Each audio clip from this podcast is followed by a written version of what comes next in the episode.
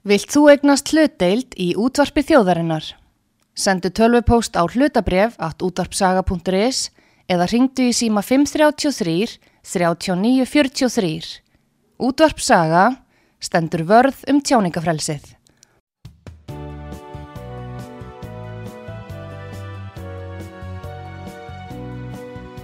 Sýteðis útvarpið á útvarpisögu í umsjón Arnþróðar Karlsdóttur.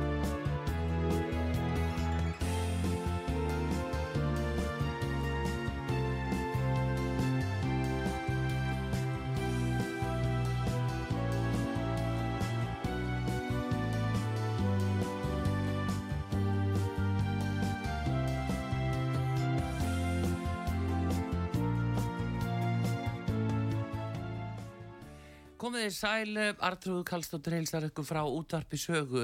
Það er komið til mig Jóhann Páll Jóhansson, hann er alþingismæður samfélkingarinnar og ég ætla að spjalla við hann svona um það hvernig uh, þingvetur leggst í hann og góðan dag Jóhann Hæ, hæ, Páll. takk fyrir að bjóða mér. Hvað? Ég var Hvernig leggst uh, þessi þingvetur í þig? Hvað er svona? Hvernig blasir þetta við þér það sem þú séð núna búið að tala fyrir fjárlögunum Já, og uh, hvernig svona meldur þetta? Sko, já, fjárlögin voru hérna, uh, fyrsta umræða að fá fram í, í síðustu viku og, og hérna og núna á mánudagin var, var eða í gær sem sagt var fjárlega bandormurinn til umræðu. Já, Uh, þetta eru náttúrulega ekki, ekki, ekki eins fjárlög og, og ég hefði viljað hafa þau sko eins og, eins og kannski við er að búast. já, Það er svolítið eins og þessu samin af einhverjum sem er bara með hausinn eitthvað staðar allt annar staðar. heldur en heldur en hérna hjá, hjá venjulegu fólki á Íslandi sko, í Flórida eða Ja. eða einhverjum skíðabrekkum í Sviss eða eitthvað sko. uh, þetta er svona ég meina, ef að fara aðeins yfir Já, bara hvað er, sko, hvað finnst þér svona, hvernig áherslur er að koma þarna fram, hvers konar ríkistjórn erum við með á þínu mati og ykkar í samfélkingunni? að einhverju, einhverju leiti erum við náttúrulega með ríkistótt sem er ósamstíga til þess að geta, geta stjórnað nokkrum sköpuðum hlut sko. Mm. hvort sem litið er til orkumála, útlendingamála efnahagsmála, velferðamála Mm. uh, það er eins og þið hangi svolítið saman bara af óttanum við, við, við kjósendur og, og, og að Mm. kjósa Já. uh, en ég veit ekki almennilega hvað, hvað það er sem límir þau saman annað heldur en það um, en þau virðast samt nokkurn veginn sammála í, í efnahagsmálum og ríkisfjármálum sammála um að reka þessa skadalegu stefnu sem hefur hingað til náttúrulega ég haft mjög alvarlega áhrif bara með því að náttúrulega kynda undir verðbólgu og þar með vaksta hækkunum Mhm. uh, Hvað hefði verið hægt að gera til að koma í vekk fyrir það að kinda undir verðbólgu? Já, við höfum náttúrulega verið að tala fyrir auknu aðhaldi í ríkisfjármálum bara alveg síðan svona í áspyrjun 2022 og, snertum reyndar á því í fjárlega umræðinni 2021 fyrir Mm. mm. fjárlega ársins 2022 að það þyrfti að hérna að, að skerpa á aðhaldi og, og að það væri best að gera það tekju megin til Mm. dæmis með því að, með því að hækka aftur bankaskattin uh, með hóflegri hækkun fjármastekjuskatts og sérstaklega þá þeim skatti sem lendir á argreðslum og, og söluhagnaði. Það væri hægt að, að hækka fjármastekjuskatt um 3% stig og sækja þannig 5 miljardar uh, og, og svo hækkun myndi nær einvörðungu lenda á tekjuhæstu 10%. Mm -hmm. Um, svo náttúrulega þarf að, að gera það fyrir það að fólk sé að í rauninni telja, telja fram uh, launatekjur sem fjármastekjur sko, uh, loka þessu EHF gati. Uh, og það er hægt að gera með bara samskonar reiknireglum og er beitt á hinnum Norðurlöndunum.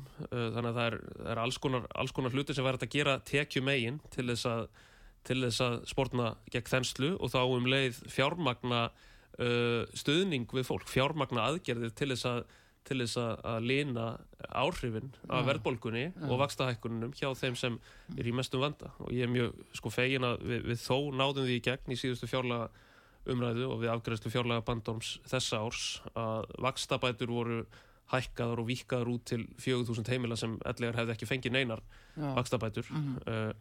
En, en ríkistjórnin hefur alltaf hegst á því að fjármagna svona aðgerðir þannig að niðurstaðan er svo að það er bara verið að ausa útgjöldum hingað og þangað án þess að afla tekna og fyrir vikið uh, kynntir það bara undir verðbólgu og, og, og vextir haldast háir fyrir vikið. Það, ég held að sé nú flestir sammála eh, því að, og með þess að fjármálar á þegar að tala sjálfur um það, að þurfi að eh, setja ykkur að hömlur á eðslu ríkisins. Já, en um leið segir hann að það sé ekki verkarhing ríkisfjármálana að spórna gegn verðbólgu sem Nei, er alveg ótrúlega yfirlýsing sem ég held bara engin fjármála ráðherra sko í, í Evrópu myndi láta hafa eftir sér. það var ekki mjög sérkennilegt. En hins vegar, annað, það eru fréttir af því að ríkistjórnin sé að eyða 10 miljónum á dag að jafna því í ferðir, í ferðalög. Mm. Það kemur út úr þessu fjárlögum. Það eru, sko, e, hvað, hvað segir um þetta? Ferðir bara almennt hjá... Nei, ferðalög. Ferðalög, út, já. Útlanda. Já, já, ég meina, þau tala mikið um að, um að þessi að halda aftur að kostnaði í efstu lögum stjórnkerfisins Já, en maður sér það svona ekki, ekki mikið kannski í, í praxís. en er þetta vísbending um það? Já, það getur verið sko. Nei, það er spurning, sko. 10 milljónir Tíu- á, á dag? Á dag. Já, í, í Þetta er náttúrulega- Já, þetta er náttúrulega rosalega eðsla, ég meina, hvað er í gangi? Uh, við viljum vera jú í ellendu samstarfi en uh, firman og alltilis fyrrvera. Já, ég sá líka dagpeningar sko vegna Já. ferða. Þeir Mhm. hafa verið að hækka, þeir hækkuðu núna um 40% milli ára, síndist mér eitthvað Þannig að sko, þannig að já, það fer ekki alltaf saman eh, rétt. nei, hvernig uh, samfélkingin hafið rætt þetta? Hvernig á að taka á þessu? Já, ég meina það þarf náttúrulega alltaf að Mm. vera í bara stöðu og endurmati á ríkisútgjöldum. Mm. Að gæta þess að það sé ekki eh, verið að, verið að fara illa, illa með peninga sko. Mm. og það er í rauninni eitthvað sko það er ekkit mikil pólitík í því finnst mér að, að hérna, ég meina, minnst þetta svo sjálfsagt mál. Bara það, er skilda stjórnmálamanna og skilda stjórnkerfisins að fara vel með peninga almennings. Uh, þannig að sko við höfum aðalega eh, þegar kemur að aðhaldi og svona uh, fyrir utan auðvitað þetta og ég held til dæmis meina, eitt sem við höfum talað fyrir er að, er að setja upp inn, innri endurskoðun og innra eftirlit hjá mm. ríkistofnunum, þetta hefur vantað. Já, uh, en ég held sko til þess að virkilega uh, einmitt kæla hagkerfið og sækja tekjur og gera það mögulegt að styðja betur við hópana sem þurfa á stuðningi að halda þá þurfum við að beita skattkerfinu með markvísari hætti já, þú vilt meina það. Skattanir, er hvert, hver á að borga þá? Já, eins og ég saði, fjármastekju skattur það væri þetta hækkan nær einverðungu á tekjuhæstu 10% Já, uh, vegna þess að það eru þarna frítekjumörk sko, sem, sem verja þá 90% mm. það væri hægt að hækka bankaskatt og við höfum talað fyrir því og lagt fram breytingatillögur um það það var nú bara að koma, koma út skýrsla hérna fyrir tveimur vikum um að, um að uh, það sem er í rauninni sínt fram á það hvernig, hvernig bankarnir hafa ekki leift neytendum að njóta góðs af, af þeirri bankaskattslækkun sem var ráðist í. Uh, svo er stór útgerðin í landinu bara svo sannarlega aflugu fær. Við sjáum þetta í, í, í argreðslu tölunum og í ársreikningunum ár eftir ár sko. og bara þessi auðlinda renta í sjávarútvegi sem hefur verið metin á 40 til 50 miljardar það hérna, er þetta óhæft hver lítill hluti hennar rennur raunverulega til almennings og til þá fjárfestinga um landa allt Hvað með að, aðrar orkulindir? Uh, er þið með uh, hugmyndir um uh, rástafanir út á orkumálunum? Hvernig ætlið að gera það fyrir að það fari bara ekki úr landi bellinis allt saman? Já, já, það er náttúrulega, nú eru álverinn loksins að, byrja að borga skattirna, skils mér. Mm. Uh, hérna, það var nú nánast samið um það held ég á sínu tíma að, hérna, hor, horfi í gegnum fingur sér Já, með, já. með svona með, eh, með að þau vera að nota, nota eitthvað byggs með móðurfélögin og, og, og, og að lá- lána sjálfum sér sko. Jú. Já, líka Um, ellendir eigundur, ellendir eignar Já, já, akkurat, akkurat hækkun í hafi og, þetta allt saman sko. en hérna var, ef við erum að skattlagningu sko, það var náttúrulega var lagður á hérna raforku skattur fyrir nokkrum árum sem skilaði þegar mest held í 3 miljórum á ári en myndi líklega skila 4-5 miljórum í dag en, en hann, hann var lagður af hérna 2013-14 Já, uh, en ég held að við ættum að hugsa auðlindamálun okkar meira eins og, eins og norðmenn gera sko að hérna bara það eiga að vera auðlindagjöld uh, á þessu öllu sko og hérna einhver heildar hugsun já. á bakvið þetta. En uh, hvað með ykkur, hvernig er þið stemt fyrir því að, hérna, að uh, til dæmis að virkja, bara vassaflsvirkjanir? Það er núna að tala fyrir því, jú, það er, eins og við vitum, orkuskipti, það er verið að koma vindmillur, það er tala fyrir því og uh, svona ákveðna breytingar en hvað með vassaflsvirkjunir? Sko, ég, hérna, samfélkingi náttúrulega á sínu tíma uh, setti lögin um ramma áallin Mm. uh, og við höfum verið hlind þeirri aðferðafræði að, hérna, að, að, búa þannig til uh, að tryggja ákveði jafnvægi milli, milli nýtingar og verndar. Mm -hmm. uh, svo er kannski einhver, einhver skoðana munur innan flokks og svo leis um það hversu langt er ég að ganga í hvora áttina. En, en ef þú spyrir mig þá hérna, finnst mér uh, augljóst að að það hafi ekki verið virkjan nógu mikið. Og Mm. það þurfi að, að stíga stærri skref þar. Já, Uh, en hvað með þá svona þessi ellendu áhrif á okkar orkumál þessi afskipti af, af því sem hér er. Það er jafnvel fjármálar á þeirra sem að hefur hugmyndur um að selja landsvirkjum mm, Já, ég við erum algjörlega á móti slíku. Landsvirkjun á alltaf að vera í eigu þjóðarinnar. Mm -hmm. og við gefum engan, engan afslátt af því. Og, og, og virkjana mál þetta á að vera á forræði þjóðarinnar og á forræði hérna, ríkisregna orkufyrirtækisins landsvirkjunar það er engin spurning í mínum huga. Já, já. Nei, það er spurning núna, það fylgdi með fjárlögunum, eða frumvarpinu eh, listi yfir eh, þá eh, þau fyrirtæki sem að, og stopnarnir sem að, að eh, þau vilja selja og það er náttúrulega bankarnir. Já, já, það hefur verið áframhaldandi- heimild svolítið lengi sko fyrir sölu á landsbanka sem uh, ég veit ekki almennilega af hverju hún er þarna vegna þess að, ta- vegna þess að stjórnarflokkarnir tala samt eins og það kom ekki til greina að selja hann. Já, uh, ég er algjörlega á mót, mótið því að selja, selja landsbankan eða, eða að ríkið fara, fara að losa, losa um eignum hlut sinn í honum. En áframhaldandi sala á Íslandsbanka. Já, Fyrstu ykkur það koma til núna, nú er ekki komin eh, seinni skýslan sem áttur að koma út af sölunni, hún Já. er enda hjá fjármála eftirlítinu. sko, mér finnst ekkit endilega sjálfgefið að Íslandsbanki eigi að vera í ríkiseigu um alla framtíð. Uh, hérna, en ég treysti ekki Bjarnar Benediktsson fyrir hotn uh, ég treysti ekki þessari ríkistjóð til að selja hennar banka Þótt svo þau setji nýja reglur um uh, söluna. Já, það bólar ekkit á, á þeim reglum og, og hérna og ég veit ekki alveg hvað hva, hva þau uh, hvað þau ætla, ætla sér með þetta en Já. hérna ég held að það væri reynlegast að setja, setja þetta á ís sko. Mm Þú segir það. Heyrðu, en uh, Jóhann Pál, þú uh, áttu sæti í velferðanemnd alþingis núna, þetta að taka þar fyrstu skrifin. Já, já Hvernig blasir það við þér? Hvernig svona mál sérðu sem að þyrti helst að taka á? Sko ég er náttúrulega með uh, bara mjög skýran fókus á og hef verið síðan ég komin á þing uh, á almannatryggingamálin Já, fyrst og fremst en ég hef reynda líka, líka verið, að, verið að beita mér fyrir, fyrir samkjarnar og betra fæðingarólofskerfi sérstaklega svona eftir að, eftir að ég fór að kyn, kynast í kerfi sjálfur sko, mm. var eignast, eignast batn og þá sér maður svolítið hérna, hvað er að og, og, og, og, þegar maður tala við fólk sem er, sérstaklega fólk sem er tekjulægra heldur en Mhm. maður sjálfur uh, fólk sem hefur lent í einhverjum svona uh, gloppum í, í þessu kerfi sko, og Mhm. hérna námsmenn sem eignast börn sko, þá þá fattar maður hvað það er margt sem þurft að laga í þessu kerfi sko.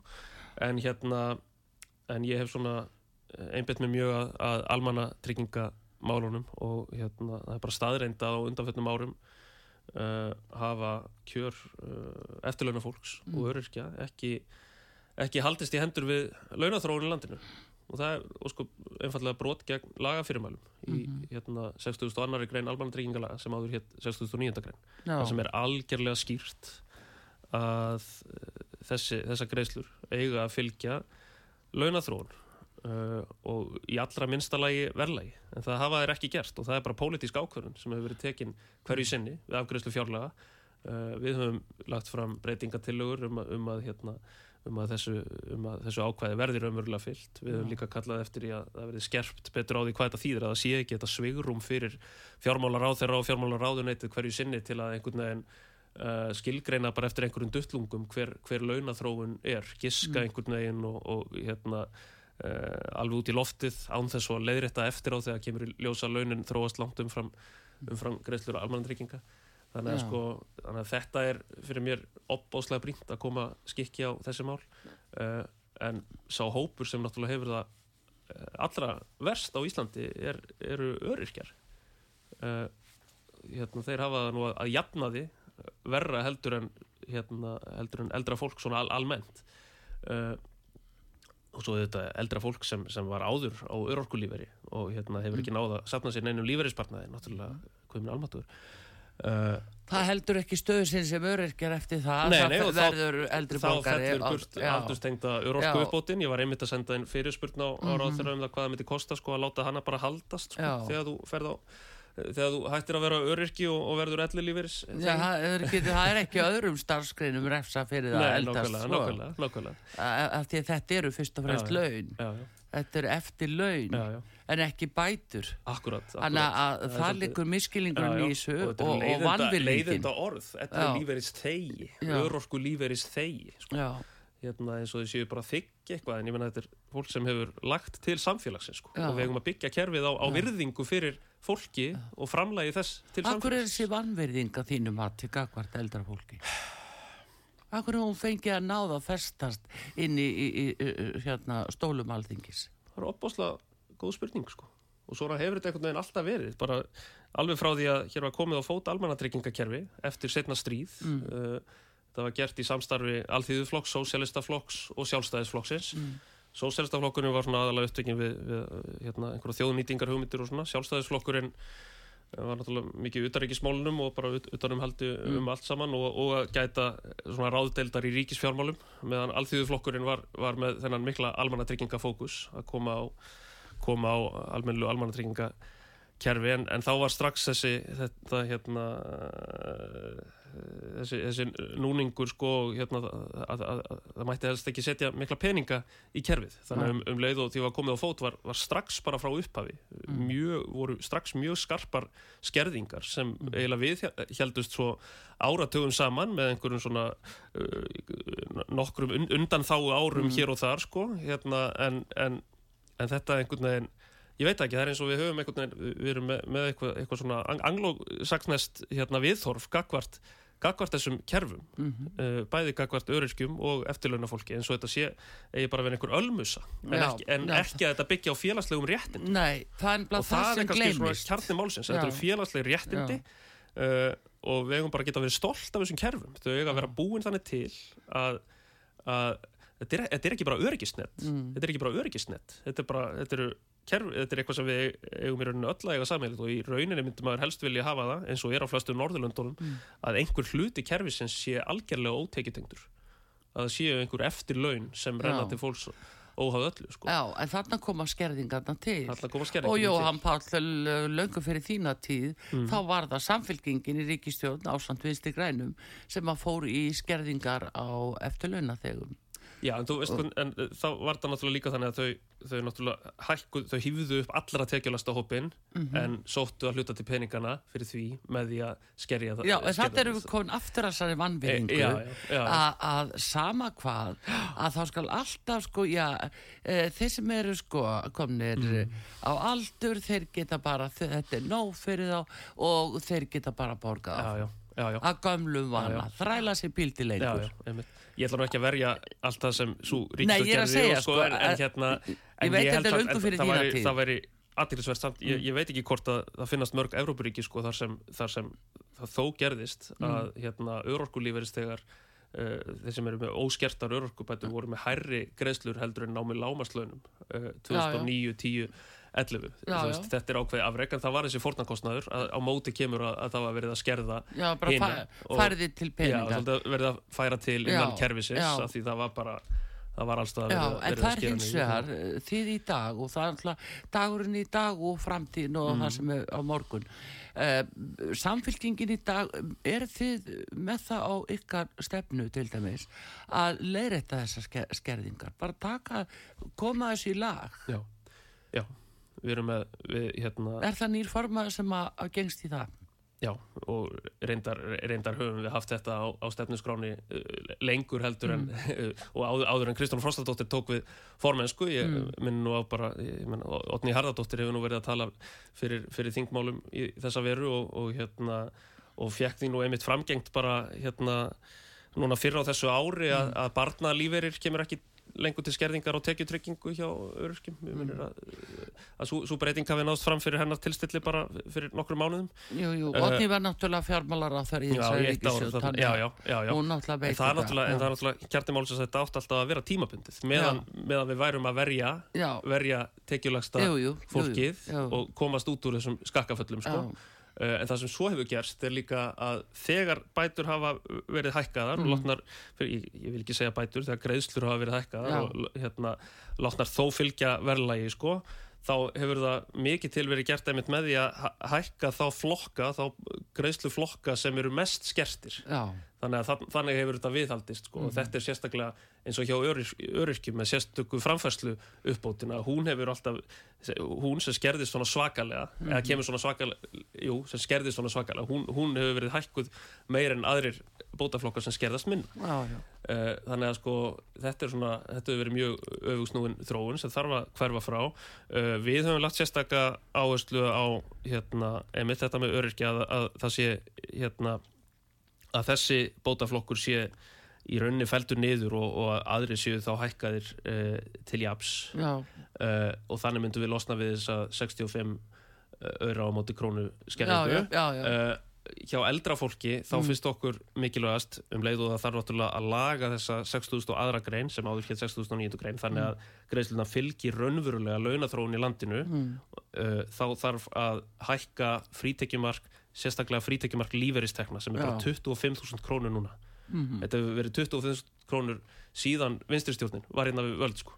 Bara 25.000 Já, já, krónur já. sem þýðir að, að hérna, þetta hefur rýrnað svakalega raunverði, þetta væri nær 70-80.000 krónum ef þetta hefði fyllt akkurat, og þetta þýðir að, að sko já, að allar tekjur, allar líferistekjur umfram 25.000 krón- krónur koma til skerðingar á greiðslum almannatrygging Þetta er náttúrulega algjörlega fyrir neðan allar hellur Þannig að við tökum bara- tökum Sama dæmi. tíma er tala stöðut fyrir því Jóhann. Allir eru jafnir Já. Ekki skilja neitt út undan Mhm. Þú veist, þetta er tónnin Já, já. Undir tónnin í Já, já, og umræðinni svo er ekkert gert með þetta þetta er bara látið Eh, óhrif það- jú, ár eftir minni ár eftir hluta ár hópur passaði þig en Já. hvað eru sko eftirlauna þegar annað en, en minni hluta hópur þegar það komið svona fram við já, já. En við bara skoðum hvað það þýðir sko. Mm. bara, hérna, segjum að eldri kona sem hefur hérna, alveg upp öll, unnið slítandi störf langa æfi, hafi þó náð að safna sér 150.000 króna lífeyrisréttindum. Mm. þetta er nú bara, ég held að miðgildið sé eitthvað, eitthvað á þessu byrju, 150-200.000 sko, Já, þannig að þetta er bara mjög típist dæmi. Eldri kona sem hefur náð að safna sér 150.000 króna lífeyrisréttindum. Svo fyrir hún á eftirlaun. Mm uh, fyrir að þykja frá TR hvað verður þá um þessi 150.000 krónur? Uh, skatturinn tekur 50.000 já, uh, og hérna uh, og 50.000 fara í, í skerðingar já, á greiðslum Akkúrat. þannig að þessum 150.000 krónum Mhm. þá setja 50.000 krónur eftir sem aukna ráðstöfunatekjur það er þá allur ávinningurinn af því að hafa sapnað í lífeyrissjóð alla æfi akkurat þetta er algjörlega gal Já, en þarna kemur að öðru Jóhann Pál Já. það eru lífeyrissjóðnir Já. að hvernig á að breyta því fyrirkomulagi Já. að svona geti ekki vikingist Já, þetta er náttúrulega bara fólk ríkið sem gerir þetta. fólk er á flegiferð Mhm. að að passa að sapni lífeyrissjóðu og, og, te- og borga aukalega inn á aukareikning og annað og sapna og sapna og sapna uh, borgar ára Mhm. Og þannig er náttúrulega bara ríkið orðin stóri lífeyrissjóðurinn. Þú ert bara að borga í lífeyrissjóð til þess að ríkið geti tekið þetta allt. Akkurat, og þetta, ekki, þetta var ekki hugmyndin á bakvið lífeyrissjóðakerfið þegar því var komið á fót 69 nei. Að, ég, ég meina, þetta var gert þá í, í samningum sko, hérna, verkalýsreifingin gerði, gerði kröfu um þetta. Og, hérna, og þá var þessum starfstengtu lífeyrissjóðum komið upp. Já, þetta var ekki hugmyndin að svo myndi, svo myndi þetta allt bara renna beintir ríkisins. Nei. En hvað segir þið hjá samfélkingunni út af þessu. Hvað, hvað ætlið að gera í sátu við lífeyrissjóðana hvernig á að, eh, að virka lífeyrissjóðana meira til hjálpar?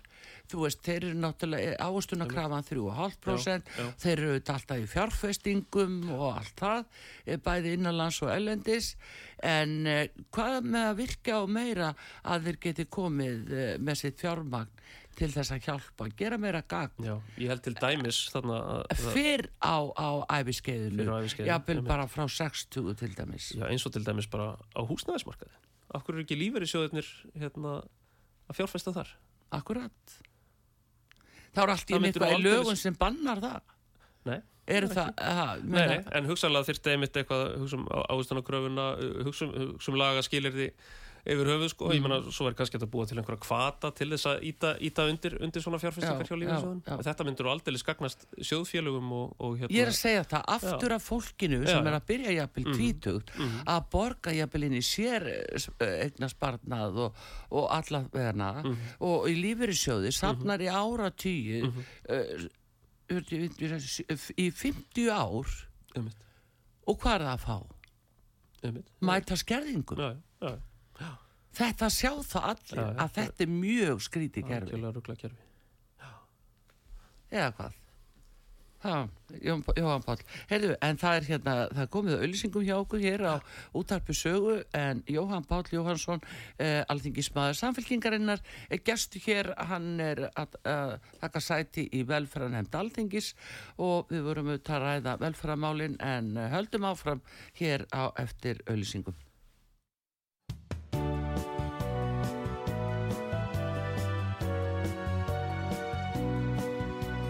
Síðdeðis útvarpið á útvarpi sögu í umsjón Arnþróðar Karlsdóttur.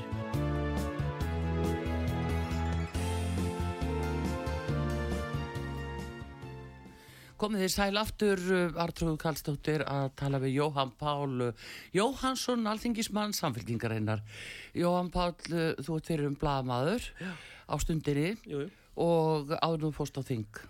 Núna var að koma út fjölmiðlarskísla sem að ég held að þú ert ekki búin að sjá reyndar. Nei. En mér ákar hans að nefna við þig að hérna, nýðustafan bendi til þess að eh, helmingu landsmanna, 50% landsmanna, eh, horfa ekki lengur á frettir í útvarpi eða sjónvarpi. Telja sig ekki fá eða hafa ástæðu til að horfa á frettir. en á internetinu Nei, en svo verðist fólk aftur á móti vera á internetinu og þar á flegi ferð. Já, Hvað er að gerast? Eru frettinnar ekki segja. eru það, eru það einhæfar á Íslandi eða? ekki nógu krassandi kannski Já, Ég veit ekki Já, þetta kannski að vera fleiri, fleiri stöðvar já, heldur það. En þetta, sko, þetta er ykkur höfnun á frettaflutning. Fólk er að hafna því, það ætlar bara ekki að hlusta af því það, það er ykkur mötun í gangi. Fólk er að upplifa það. Já, kannski þessi línulega, línulega dagskrá bara svolítið einhvern veginn úr, úr takti við, við að hvernig fólk neytir, neytir efnis Já, almennt, sko. já. En, hva, en hvernig er les, lesningin á, á þessum Það nefnilega kemur ekki fram. Nei, Ég sakna þess svo nei. Það er gríðarlega. frólægt að vita hversu margir lesa vísi.is, rúf.is útafsaga.is Já, og hlusta. Uh, þannig að ég veit að tölur fyrir okkur hafa stíðið alveg gríðalega upp. Ok. við, við auki hlustun okkar alveg já. og einmitt líka á netinu Já. að þannig að fólki farið að geta hlusta sko bara í, gegnum símana sína. Já, þannig að þetta er alltaf örvísi eh, sko notkun heldur en áður. En það kemur ekki fram. Nei, einmitt. En uh, þannig að fjölmjöla umhverfið er að breytast svona rosalega mikið. Já, já. Um, Já, svo er þetta náttúrulega ástand að það sé bara einn, einn prentmiðill á, á landinu, sko. Það er Það er það. er það er ágefni út af fyrir sig. Já, já, ég, hérna Það er uh, svona uh, En það er bara er svo dýrt að prenta þetta er, er bara, þetta er svo rosalega Já, já. dýrt Já. uh, og líka allur sá hraðir sem að kemur svo í gegnum þá netið. Já, að þá ertu bara búin að það sem kemur fram í blöðunum Já. það er bara, er orðin gömul frétt Já, sko, þó að það sé ný frétt í blaði. Já, eitt prentmiðill það ég en náttúrulega he- heimildin auðvitað kemur út á, Jú, á viku jú, fresti, sko. og- og hérna, þar eru fleiri náttúrulega sem og- hafa verið uh, mannlífið ekki Já, og, já. kemur það eitthvað út á nú- já, þeir gerðu það já, þeir eru eitthvað verið að reyna þannig að. Ég var nú DFF líka fyrir tíu árum, sko. Já, Það var mjög gaman já En þetta er, eh, sko, en það er bara hins vegar spurning, sko, að hvað er að gerast e, að því að núna e, segja nefnilega margir eiginlega stríð sem er í Vestur-Európa eða í heiminu þess vegna, Mm. það er upplýsingastríðið. Já, já, Það er svo gríðalegt upplýsingastríð í gangi. Og það er það sem að þessuna uh, eru sko ymsir hagsmuna aðilar Mhm. á uh, því sem þeir eru að framkvæma með að gera Mhm. uh, sækjast í eignarhaldi á fjölmjölum og ná fjölmjölum til sín. Já, og þess vegna eru sumir sko svo e- efisum að, að það yfir að ríkistöðningur í því formi sem það er í dag. Mm, inn á fjölmjöluna já. Hvernig á að leysa það? sko, mér finnst ríkistöðningu mjög, mjög mikilvægur í, í þessu sko, eins og, eins og er á hinnum Norðurlöndunum og svo leið sko, að það séu þá rekstrar styrkir og, og að það sé ekki, ekki spurt sérstaklega um efnistök að öðru leiti en því að, að, að hérna, fjölmiðlar bara standist kröfur um, Já, um sem málefnilegt. já, já, Já. Að, hérna, En hvað með það að fólk fái sjálft að velja? Hvert til dæmis eins og við, þetta heitir ju okkur nefnskattur, en að fólk fái bara sjálft að velja hvaða fjölmiðl fái sinn nefnskatt. Já, Það er ákveðið frels í því. skoða það, en já, en á móti kemur að maður vill samt líka eh, ég held að það gefið bísna góða raun að vera með sterkan ríkis, ríkis fjölmiði líka, sko Já, en sýnist þið það eins og núna með þessa gönnun, já, ef það er ekki nema helmingu þjóðarinnar sem maður skiluru getur lusta á frettir þar. já, Það er mjög alvarlegt mál þegar við fá hvað 7000 miljónir á ári. já, já, þetta er mjög, mjög sláandi tölur Hel, helmingu Já. þjóðarinnar sem neytir útvars og, sjónvars Já. á reglulegum basis. Já, já, frettum. já, á fréttum. Já, já, Nei, þannig að sko, auðvitað, það er, sko, það eru talsmenn þess og þú ert ekki einn um það, svo sannarlega, að, að vilja hafa ríkisúttarp, já, en uh, uh, ríkisúttarpi er ekki að fara eftir lögum um ríkisúttarp að hlutlega þýr varða hlutleysi. já Hvað, bara vegna þess að það er svo einhæfu fréttaflutningur, það er einhæfu efnistök og, og, og þeir eiga að taka eins margar hliðar á málum og hægt er. Sýnist þeir verið að gera það? Ég veit ekki sko, ég, ég sjálfur ofta alveg hund óanaður með ríkisútvarpið en svo eru sjálfstæðismenn líka alveg hund óanaður með ríkisútvarpið sem bendur til þess að kannski sé ákveði jafnvægi sko. Já, býtu, uh, þú það, já, en hvað með vinstri græna? Já, ég, ég skal ekki segja. Skilur Já. að það er það þá pólitíkin sem fann að ráða fréttaflutningi þar? Held ekki, já, held, finnst þið það? Finnst þið ég er að spyrja þig, þú ert þingmaður, Já, ég, skynja það Þú ekki verður að hafa skoðun á þessu. Já, ég, hérna, ég skynja ekki, ekki sérstaklega einhverja slagsíðu endilega á, á ríkisútvarpinu nema kannski stundum eh, ég meina, stundum finnst manni þau eh, miklu duglega að taka upp fréttatilkynninga frá sko, ráðuneytum og svoleiðis heldur en frá til dæmis bara félagsamtökum stjórnmálarflokkum í stjórnmálastöðu það er aðalega eitthvað, eitthvað svoleið sko en, en hérna, ég, ég skynja ekki svona einhverja meðvitaða slagsíðu með ákveðnum flokkum En eins og ég var að Við segja, sko. eins og ég var að segja við þið, það stríðið sem er eiginlega stríð sem er í gangi og Mm. er mjög alvarlegt fyrir íslenska menningu og íslensk þjóðlíf, það er upplýsingastríðið. Já. Ef það er mötun sem á sér stað Já, og verða að þakka ólíka skoðanir, Mhm. kosturum við netið er að það eru svo ólíka skoðanir sem að fá að, að varpast þar fram. já, kosturinn og, og kostur svona Já, er- er- en núna þetta er, er- gríðarlega tilneying og með þess að fundi saminuð þjóðana Já. þar bara standa menn og reyna að finna leiði til að þakka niður og rítskoða Já. efni sem kemur inn á uh, netið. Já, þetta eru mjög hættulegar brautir sem við verðum að fara inn á, inn á. Hvað segir samfélkingin um þetta? ég var að koma frá Indlandi sko, Já. þar náttúrulega bara gerði það núna í, í fyrra að hérna, það var lokað sérstaklega á BBC heimildamind um fórsættisráð þeirra Indlands uh, og ég var nú svolítið að spyrja, spyrja ráðamenn þarna eða, eða, spyrja, spyrja hérna svona fóristu fólki í, í, í þessum ráðandi stjórn, stjórnmálarflokki þar, BJP um þetta og, og, og þá fekk maður nú, þau svöru að þetta snýrist um þjóðar öryggi og, og samstöðu og svona en, en þetta er rosalega hættulegt þegar, hérna, þegar það er farið að loka á, á ákveðin sjónamið og ákveðina fréttir en er það ekki það sem er að verða að koma upp hérna? Er það ekki bara að byrja að koma upp hér? af hálfu ríkisins E, hér? Já, að bara halvur ríkisins, já, það er eins og núna, það er til dæmis tala fyrir því að, að það sé gríðarlega mikilvægt að, að, hérna, að setja lög og, og setja það í sérstakann búning, allt sem við köllu hatursorraða og inn í hatursorraðinu á að vera ef þú gaggrínir ákveðna stopnanir. Þú mátt ekki segja sallikanum ákveðna stopnanir. Þú mátt ekki gaggrina alþjóða heilbyrðismálastofnunina. það sé hattursorðað Það er hatursorraða á að verða það. ég myndi aldrei kvitt upp á að það sé hattursorðað Nei, en ég sérðu veit ekki hvort domstóla myndi gera það Nei, en það er bara ekki spurt um það Nei. Ef að ríkið núna og alþingi núna Mm. stældu fram fyrir því Mhm. að fara að fallast á og samþykja einhverja reglur sem að eru óútfylltur slíkur tekki fram á við gagvart í hvernig á að rítskoða rið skoða já, fjölmila og netið og allan almenning. Já, það má náttúrulega aldrei gerast og þá hérna, ganga náttúrulega tjáningafrelsis á hvaði stjórnarskráninar allt, alltaf framar. Já, en þegar það er búið sér, við skoðum fundinu á saminuð þjóðunum núna ég veit ekki hvort þú fylgst alveg með því eða haft tök á því en það, þar kemur þetta dálítið fram og mjög skýrt fram. Til dæmis að þeir sem að, að er að fjalla um COVID-19 Já. er að fjalla um bólefnin og sprautuherfið sem á að fara á stað. Ef þið gaggrina það þá er, þá er þeim lokað á þá. Það má ekki. Hverju loka? þá er bara, það er verið að tryggja það að uh, ríkisvaldið í hverju landi fyrir sig Mm. hafi slíkan aðgang að netmiðlum netrisum. Geta og það er kvartað undan því að það sé ekki símanúmer með þess að hjá einhverjum á Twitter. Það sé ekki hægt að ringi einhvern á Twitter til að loka. Mm. þetta er framtíðin. Þetta er það sem er verið að- undibúa okkur fyrir eins og hér á Íslandi.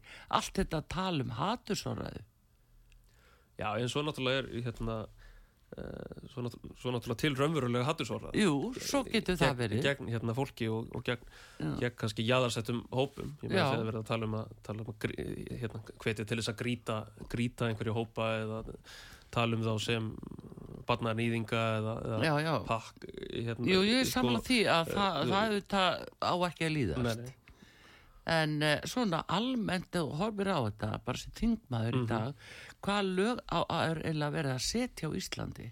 Já, ég ætla að sem að- þingmaður myndi aldrei nokkuð tíma taka þátt í því að, að, hérna, að samþykja eða hérna, bara einhvern, einhvern opinn tjekka á að það sé hægt að kalla hvað sem er haturs orðræðu og, og, og, og loka því Já, Þar liggur hættan það, núna. það, það getur, getur maður náttúrulega aldrei verandi svona borgaralega sinnaður Já, hérna, ég segi það. Já, Já, að sko það er þessi, hérna, þessi lína sem er lögð, það er Mhm. ákveðni hluti sem þú mátt ekki segja skoðun þín á. Mhm. Að, að þú bara með ákveðan mismunandi skoðanir, bara út frá skoðanafrelsi og hugsanafrelsi. en svo náttúrulega ákveðin bara dóma framkvæmd hérna á Íslandi um það hvað er haturs orðræðu og hvað ekki Jú, jú, jú, jú, var ekki til dæmis hérna, Pétur hérna hafa síknaður til dæmis Já, hérna, já, já, í, í svona já. hattursorðræðu Já, máli en Pétur líka lendi í þessari tilraun sem var gerð árið 2016. Já. Það, þetta var komið til Íslands þá að þessi, þessi upphaflega tilraun að, að taka fólk úr umferð, hvernig það gengi, að reyna að taka á umferð og þakka því með því að fá það dæmt. Og uh, þannig að þarna rugglaðist saman og erfileika við rannsóks líkra sakamála er vegna þess að hvað er sprotti af einhverju svokalluðu hatri sem lögin geti og skilgreint heldur hvað er skoðun og hvað er hugsun allt er það stjórnarskrar varið alltaf þá lögreglun að segja heyrðu að þú hugsaði svona þá ætla ég að sjá til þess að ákjæru það er ekki, Nei, það er ekki hvers vera svona hatu, haturstjáning sko, Jú, skiluru, en það, það er þetta er alltaf matskend út frá því hvað er skoðun og hvað er hugsun sem er fullkomlega heimil. Þannig að þarna sem að bara hvernig þetta var byrjað að innleiðast hérna á Íslandi og nú er komið eða að tökku tvö að vera að, vera að halda áfram að, á þessari braut.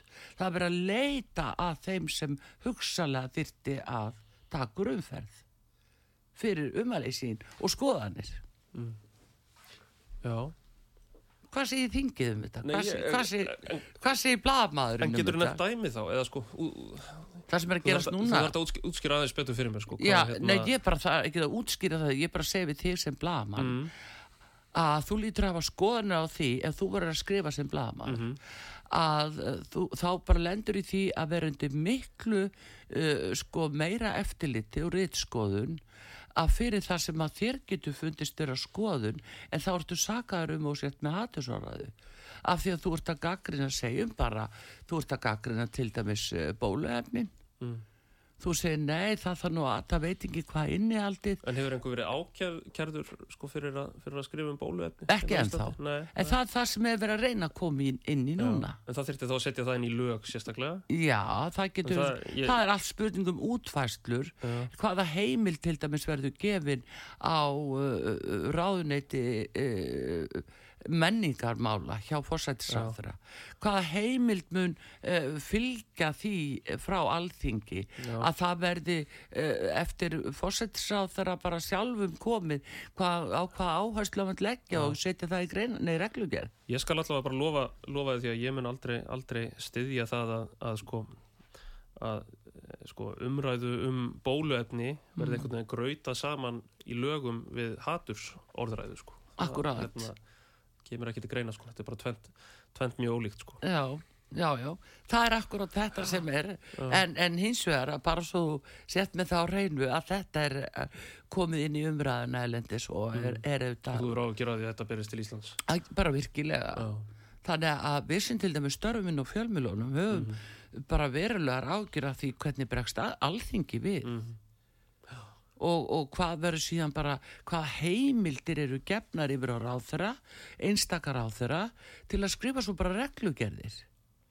já, já, en til þess að setja ákæra fólk og, og dæma þá náttúrulega þarf, þarf að setja það í lög það er ekki, það er ekki hægt að gera það bara með, með reglugerðum Nei, nei, en hvað dettur fólk í huga setja í reglugerðir, sko. Já, já. Það er svo annar mál. En það bara, mér finnst ágætt að- heyra það. Já, að- þú hefur þetta allavega. að að þetta er, þetta er að koma upp í, í þinginu núna á, á næstunni þessi umræða á þessu nótum. Svo framlega sem hún verður ekki þögguð. Já. ha, verður það þingfossiti sem að stýri því eða hvað? Hvað fær að fara, þú þekkir það nú Lindakólsmáli, þá er það nú eitt. eitthvað. Já, já, Eh, þú baðst um að fá þú baðst um að fá að leggja spurningu. Já, já, akkurat en þú fegst það ekki Nei, hann, hvað var það annað en þöggun það var þöggun, hvað var gert það var við þöggun og þar var, var það bara þannig að sko fyrst, fyrst segir fórseti, þingfórseti nei þú mátt ekki leggja á þessa fyrirspurn og ég Já. lætti reyna á það í þingsal mm. uh, sem hefur ekki verið gert núna í þrjá áratugi sko, það Mhm. har ekki komið upp þessar aðstæður áður og ég held nú kannski að, að þingmenn, jafnvel líka þingmenn að minnst að kosti einhverjir í stjórnarliðinu myndu Mhm. sjá sóma sinn í því verandi þingmenn sjálfur uh, að standa með þessum sjálfsæða rétti þingmanna að fá að spyrja spurninga. Uh, en nei, nei, þeir hérna, stóðu allir með þingforseta í, í þessu og mér var bannað að spyrja þessara spurninga þótt að það hefði verið algerlega ljóst að fyrirspurnir mín samræmdist ákveðum þingskapalaga um Já. skilir þess að spyrja forseta um ákveðin atriði það Akkurat. fjallaði um stjórnsýslu þingsins mál, sérstætt stjórnsýslu mál sem var í gangi hjá hérna, fórsetisnefnd þannig að það var algjörlega á reynu sko Serðu Já, núna hverju þú ert að Já, lýsa? já, það, það, þetta er svona þökkun Serðu núna af hverju spurði þið á það? Já, já, já, já. Það er vegna sem við höfum talandi dæmi um það, hvernig þakkanir í Já, þingunum og það var akkurat gert við þig. já, já. Ég er náttúrulega vann líka á stundinni þegar við vorum að fjalla um viðskipti Bjarnar Benediktssonar sem Mm. þá var fórsættisráðir og, og hérna, síslumadur rauk til og setti lögbann að kröfu hérna, þeirra sem við vorum að skrifa um. Já, uh, hérna, frændfólks Bjarnar og, og viðskiptafélaga úr, uh, fyrir tíð. Uh, það var augljóslega löglaust lögbann. Það, það, það sáu allir að þetta, þetta var algjörlega á skjön við bara líðræði hérna uh, líðræðisprinsip og, og hérna, stjórnarskrár var tjáninga já, frelsi og hérna bara líðræðishefðir vestræna líð, líðræðishefðir Mm. uh, en við þurftum að býða í, í marga mánuð eftir því að geta hérna, með lögmætum hætti byrt þetta hérna, meðan málið fór fyrir dómstóla sko. uh, er svo ótrúlegt að einhver einn, einn maður hjá framkvæmdavaldinu skuli hafa haft svona vald að geta bara stöðvað umfjöllun með einu pennastriki já. Það er bara þetta, sko, ef að svona gerist einu sinni, Mhm. þá gerist það aftur. já, já. Og þess vegna skiptir svo miklu máli að þingi núna Standi með girði frelsi fyrir já, að svona geti gerst. nákvæmlega Þannig að allt tal um það að það sé svo mikið, núna svo gríðalegt ha, mikil hatur sorra, það er blásið upp Mm. á dag eftir dag eftir dag. Það er blásið upp bara það, sama hvað litið er nánast. Já, en svo eru náttúrulega hópar sem bara upplifa, sem, sem finna það uh, mjög, mjög harkalega á eigin skinni hérna, uh, finna fyrir auknu hatri í samfélaginu í sinnkar Jú, jú, það, það, það eru nefnilega margir hópar sem gera það. já, já. Það eru, það er ekki bara einhverju fáir einstaka sem eru tilteknir sem jáðarhópar. Það eru svo margir aðri sem verða fyrir því. Hvað með þá? Já, ég, ég bara al, almennt Mm. mm. hattus orðræðar er, er óbóðleg Já. og, hérna, og við viljum hafa ég er allavega hlindur því að, að, að vera með ákveðna, ákveðna réttar vernd þarna, Mhm. verja, verja viðkvæma hópa fyrir, fyrir hattus orðræðu Mm uh, en það skiptir máli hvern, hvernig það er gert eins og við töluðum um Já, já. Heyrðu, en uh, annar mál, uh, það er talað um, uh, ég hef talað við formann samfélkingarinnar og hún segir um Kristrún alveg ákveðið að samfélkingin sé ekki að, að stíga þau skref að horfa til Európusambansins. Hvað segir þú, Jóhann Páll? Já, ég meina Hvernig er stemningin hjá ykkur núna gagvað því? stemningin er mjög góð hjá okkur almennt uh, og ég meina samfélkingin hefur náttúrulega verið Evrópu sinnaður flokkur alveg frá, Mm. frá því að hérna, það fóð fram postkostning bara í, í, á, hérna, í, í árdaga samfélkingarinnar sko, Mm. um það, um það hérna, hver afstæða flokksins ætti að vera til, til Evrópu mála Mm. uh, og við höfum í rauninni ekkert, ekkert kvikað frá þeirri stefnu að Íslandi sé best borgið innan Evrópusambansins til lengri Mm. tíma uh, og að það væri ákjósanlegt upp á, upp á stöðuleika hérna, og efnaðaslega framfarir á Íslandi að, hérna, að, að tilheyra stærra hérna, myndsvæði. Uh, það breytir ekki því að, að við erum búin að segja það hérna, og vera alveg skýr með það að Evrópusambansið er ekki í forgangi hjá okkur núna. Og það Mhm. verður ekki það verður ekki hérna, kostningamál hjá okkur næst. Európa-sambandi verður ekki kostningamál hjá Mhm. samfélkingunni uh, og ég sé ekki fyrir mér að, að hérna að það uh, hefjist neinar aðildar viðræður við Európa-sambandið á, á næsta kjörtíðanbili, jafnvel þótt við hérna ráðum lögum og lofum. Mm. þá ef, ef, ef Guð lofar sko. Hérna, þannig að það, þetta er algjörlega á hreinu eins og, eins og kom fram hér í viðtali við hana að, hérna, Európa-sambandið er ekki er ekki í forgangi hjá samfélkingunum núna, það eru önnur mál sem við erum að leggja ofur áherslu á, það er hérna bara efnahagur og öryggi fólks nummer 1, 2 og 3 Já, frá degi til dags. Já.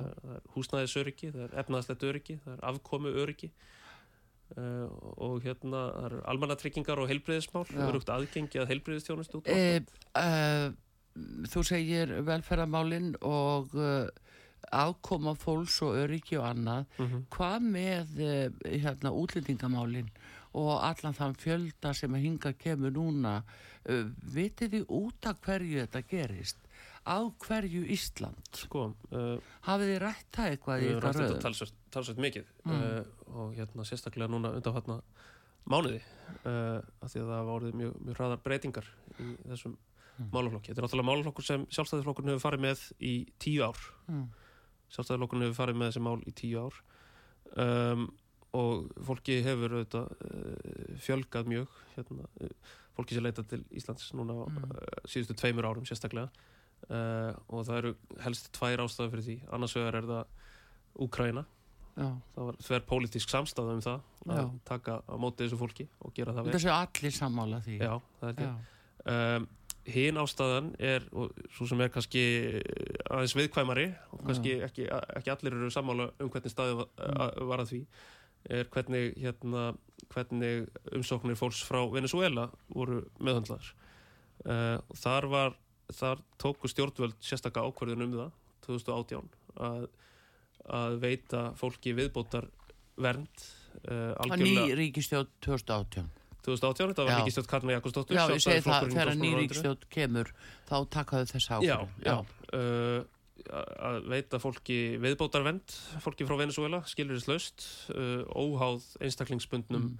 aðstæðum uh, og þetta er eitthvað sem ekkert annað Evrópuríki gerði, Mm. svo ég viti til uh, þannig að með þessu var auðvitað verið að senda mjög skýr skilabóð þangað um að um að komið til já, Íslands já, já, Já, það er bara þannig uh, og hérna fyrir viki gerðist uh, hérna í kjölfarið að, að það voru meir en þúsund manns frá Venezuela sem, sóttum vend á Íslandi meðan það voru örfáir taugir Já. á hinnum miklu fjölmennari Já. Norðurlöndum já, uh,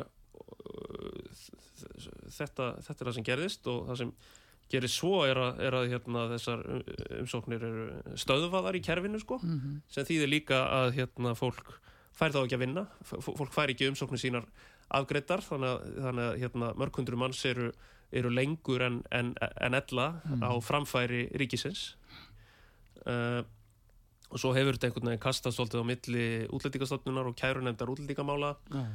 uh, og það eru þetta það er engum, engum greiði gerður með, með svona, svona stjórnsýslu svona Hvað myndir þið vilja gera, Jóhann Pál, svona, eða síðustu, nú fyrir tími okkar að vera búin, Sko- eh, hvað myndir þið vilja gera til þess að laga þessi mál? La, laga þessi mál, almennt, útlíkamálin Mm. sko ég held að þurfi bara að hugsa, hugsa þessi, hérna, þessa nálgun Íslands í útlíkamálum svolítið upp á nýtt sko. Mm. og við þurfum bæði að, að byggja okkar útlendinga pólitík og útlendinga og, og, og, og, og stjórnsýslu hérna, þessara vendarmála á, hérna, á raunsægi og réttlæti. Það Mm. hérna uh, sko, við þurfum að, þurfum að styrkja þessa stjórnsýslu, það, það gengur ekki að fólk sé marga mánuði ef ekki ár að býða eftir svari, að býða eftir því að fá já eða nei. Já, þannig að það myndi strax hérna, spara, spara mikla fjármunni sko, ef, ef það væri hægt að, að styrkja og hraða, hraða þetta ferli allt eru saman þá að tala um að fjölga uh, tímabundið já, mætti, starfsmönnum? mætti fjölga og, og spara þannig til Mm. lengri tíma uh, svo þarf að, að hérna, hverfa þetta frá svona stjórnsýslu að ákveða bara að hér sé eitthvað eitt land og þar eiga allir að fá viðbóta vernd skilurist já. algjörlega óháð Mhm. einstaklingsbundum aðstæðum. Það gengur ekki að vinna svoleiðis og að, vera með einhverja svona, svona, svona pólitík bara og vera þá að ta, það, Hafið þið fengið skýringu á því að hverju hún gerði þetta að 2018? Uh, það tengist auðvitað bara þeirri stefnu sem uh, þáverandi ríkistjórn var, var að marka í samskiptum Íslands og, og Venezuela býst ég við. Uh, þá tók uh, utaríkisráðura sem þá, þá var Guðlúður Þór Þórðarsson mjög sterka afstöðu með hérna, hvað var, það- var hann ekki forseti þingsins sem var í raunin að hérna, að reyna, reyna, reyna að taka, taka völdin í landinu sko og, og hérna og Ísland í rauninni uh, hætti að líta á, á hérna Hva, hvað heitir hann, Nikolás Maduro Já, Maduro. sem, sem, sem, sem já. hérna, þjóðhöfingja sko, en, en er þá færi okkar Íslendingaskiluru að við áskilum okkur rétt hvaða fosseta eða, já, fosseta við samþykjum í öðrum löndum er að þeir á sinn mæli hvarð að segja við förum eftir lýraðislegum kostningum og þetta er þeirra mál er það þá okkar valdi að segja heyrðu við ætlum ekki að viðkjala sem fosseta Þetta var opbúslega skringilegt sko. Og hérna, meina- að það var fyrir hann til héraðstómari sem skrifaði Guðlaugi Þór Harðort bref, ég skrifaði frétt um það það sem, hérna, það sem að var að gaggrína þetta og og færa fyrir því röka að þetta verður nú bara eh, gott ef ekki brot gegn lögum um ráð þeirra ábyrð að- að að vera að fa- fara svona með, með valdsitt sko. já uh, hérna, Ég mun líka að passa okkur, gera okkur ekki svona einhverjum kjánum út á við. Já, Þú veist að, að þetta er bara slæmt líka já. fyrir og landið. svo náttúrulega floppaði líka þessi, þessi tilraun þessa fórseta þingsins Já. þarna í Venezuela algjörlega, hann, hann varð ekkit ekkit fórseti Venezuela í kjölfarið sko, að og hérna síðan hefur bara verið verið hálgerð óöld þarna sko.